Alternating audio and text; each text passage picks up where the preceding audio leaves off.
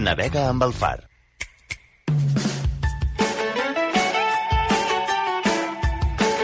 I avui viatgem fins a Ràdio Delta perquè el Polet ens expliqui en què consistia el cultiu de l'arròs al Delta de l'Ebre durant l'època de l'estraperlo. No és així, Judit?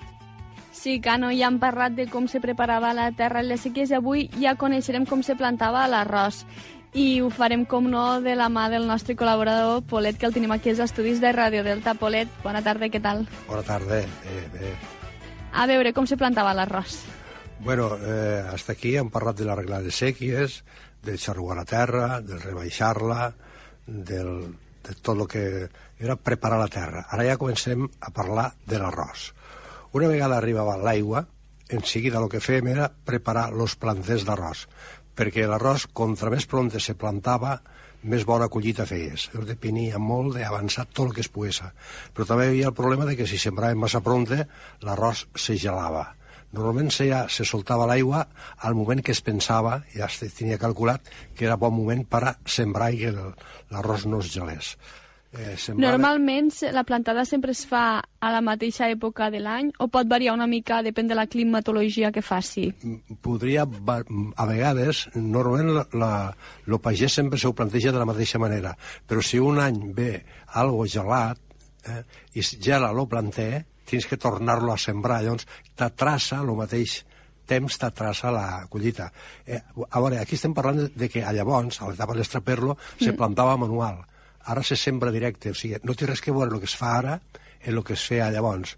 Llavors el que es feia era sembrar més pronte que ara, per intentar adelantar al màxim la collita, perquè llavors no hi havia produc productes insecticides ni res mm. per a matar l'oxilo ni res. Llavors el que havies de procurar és que el, el teu arròs estat davant dels altres per arribar a la collita que no t'afectés eh, les invasions dels bitxets dels altres te, te, te perjudiquessin la collita. Contra més pronte anaves, més collita feies. Val, Llavors- perquè també entenc que els bitxets d'alguna manera estan més quan ja fa més calor, no? I si es plantava abans l'arròs, la semilla d'alguna manera ja estava més forta, ja no se la podia afectar sí, tant. Sí, i, però el planter, que l'arròs que va més atrasat està més tendre i l'afecta més. I el que va Val. més adelantat ja s'escapa més. Llavors, lo, tot que arribava l'aigua, sembràvem els planters.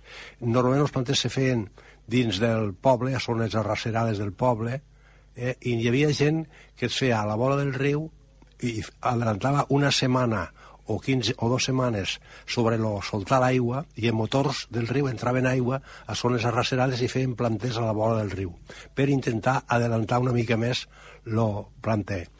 I, i també hi havia gent que a vegades compraven planter de València. A València l'arròs anava dues setmanes adelantat aquí. Llavors compraven l'arròs a València, era caret, lo portaven en camions, però a vegades resultava bé lo eh, adelantat portant-lo de València. Però llavors aquest arròs ja no era marca Delta, no? Eh, Bueno, en este cas sí, eh, en això tens raó, però llavors marca Delta o no marca Delta o denominació d'origen i tal, aquí es tractava... De fet, les varietats eren les mateixes, eh? O sigui, les varietats que llavors... Se... Ara sí que hi ha més varietats, però llavors eren molt poques les varietats què es treballava. Eh, nosaltres teníem terra a tres llocs diferents. Uh, una era terra normal, l'altra era molt bona i una altra era molt dificultosa. Llavors, la terra normal sempre mon pare procurava plantar-la el més pronte possible per a fer una, assegurar una mica la collita. Eh, inclús alguns anys va comprar el, el planter a València. I això que ell feia, ell, nosaltres teníem un jornal de mig de terra al Puó, Sant Jaume, a la zona del Puó, a Racerada, i allí feia tot de planter. Però els anys que li pareixia mm, prudent adelantar la collita, lo comprava a València i plantàvem aquesta terra normal primer. La terra que era molt bona la plantàvem en cavat. Aquesta terra sempre fèiem arròs, era molt bona. I que teníem una que era molt dificultosa, era un erm que havíem tret a la vora de la bassa de la platjola, era molt fonda, i allí necessitaven que l'arròs fora molt llarg perquè hi havia molta aigua. I allí plantàvem a última hora. Llavors teníem que fer el planter molt llarg per allí plantar a la zona esta. Eh, llavors eh, anava així, d'intentar adelantar el màxim possible la collita.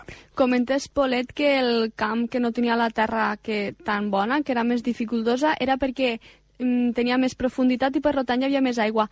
La terra que era més bona, que és la que estàs explicant que també tenia una rossa d'alguna manera que tenia una terra pues, més bona per plantar, quines característiques tenia perquè era més bona? Pre precisament era llaumar. Era terra, o sigui, potser tenia altres qualitats, era terra molt bona, era lloma, era una finca que teníem arrend, un trosset de terra, eren set jornals que teníem arrendats a, a la finca de la comandanta. Tant estos set jornals de terra bona com la dificultosa los teníem arrendats a, a Sant Jaume, a la finca de la comandanta. I este era molt lloma, este el que teníem era molt problema d'herba. Era una terra molt alta i havia, havia de treure molta herba allí, però era molt bona. Pots, la diferència més grossa és que una era molt fonda i l'altra era molt lloma. Eh, llavors, el dia que, que es plantava era un dia que tu havies d'organitzar molt bé. Lo plantar era com una carrera, però una carrera de, de Fórmula 1, eh? Uh -huh. eh en canvi, el segar, que també era difícil, el segar anava segant a un ritme. Eh? T'agarraven temporal, t'agarraven temporal, però el plantar, no el plantar, eren...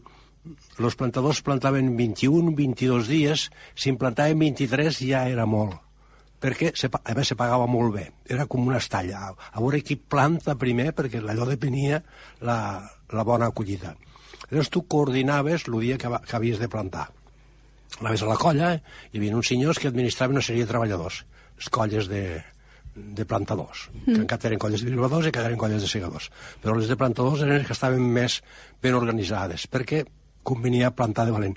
Inclús n'hi havia que es diuen colles d'estallers, que plantaven a tant el jornal. Estos plantaven, guanyaven molts de diners, molts de diners, mm. però planta, mm, treballaven molt fort, aprofitaven estos 20 dies molt fort.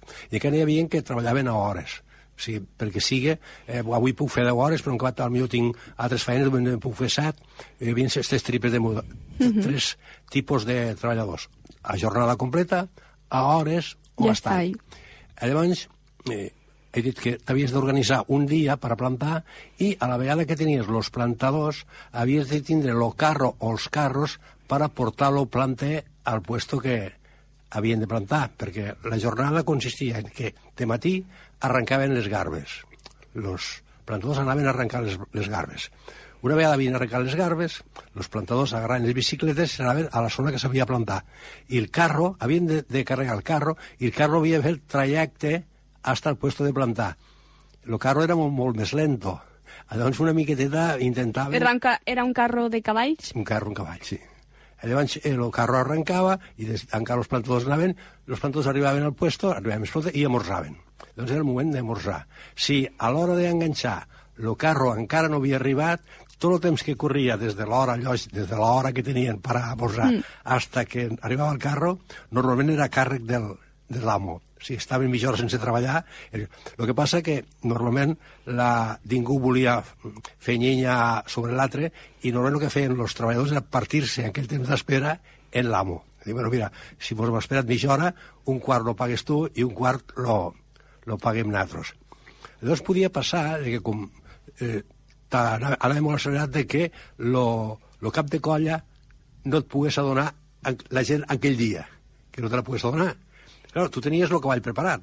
Mm. O sigui, que llavors aquí hi havia molt de problemes en les colles, en els amos, en el carro, perquè havies de coordinar tot, tindre la colla i tindre el carro.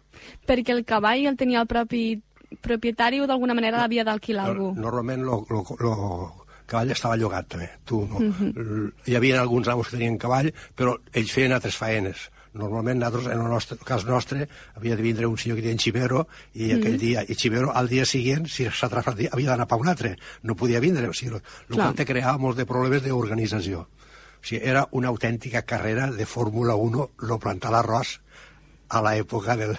De l'estraperlo, una cursa que, correcuita. Per cert, que ara es planta, que es planta, Júlia, i nosaltres plantem, nosaltres tenim una empresa que recu recuperem activitats tradicionals, Ara es hauries de vindre a plantar, tu això ho hauries de conèixer. Jo, Cano, jo ja ho conec. Això presentador, que és de fora i ell no ho coneix. Ah, doncs pues, bueno, pues, qui sigue, qui sigue, veniu perquè és una bona ocasió de conèixer una cosa tan singular com és el plantar arròs. Penseu que l'arròs és l'aliment més important de la humanitat i vindrà un catacrac que no hi haurà petroli i no sabrem on està el menjar i mos convindrà a tornar en aquests coneixements. Penseu-hi. Sí, sí, i una altra darrera pregunta. Mm, Polet, ara que estàs explicant, és aquest cap de setmana que feu alguna altra plantada o esteu duent a terme durant tot el mes, plantades? No, no, veure, i nosaltres, jo, jo parlo de, de, de, com ho fem nosaltres a la nostra empresa. Nosaltres plantem contínuament. Avui hem tingut una empresa de 40 persones plantant arròs. D'una empresa. És una empresa mm, de, de no sé què, sòlids, no sé quantos, que havien de fer una activitat empresarial. Fer unes xerrades a Ebreterra, han fet unes xerrades i han acabat amb a plantar arròs. Molt bé, doncs ja vindrem a veure aquestes plantades, Polet, que convidem també als nostres companys del FAR i la setmana que ve, si et sembla, continuem. Correcte, us espero. Segueix-nos a les xarxes socials, Instagram, arroba alfarfm, Twitter, arroba alfarfm i Facebook, arroba alfarfm.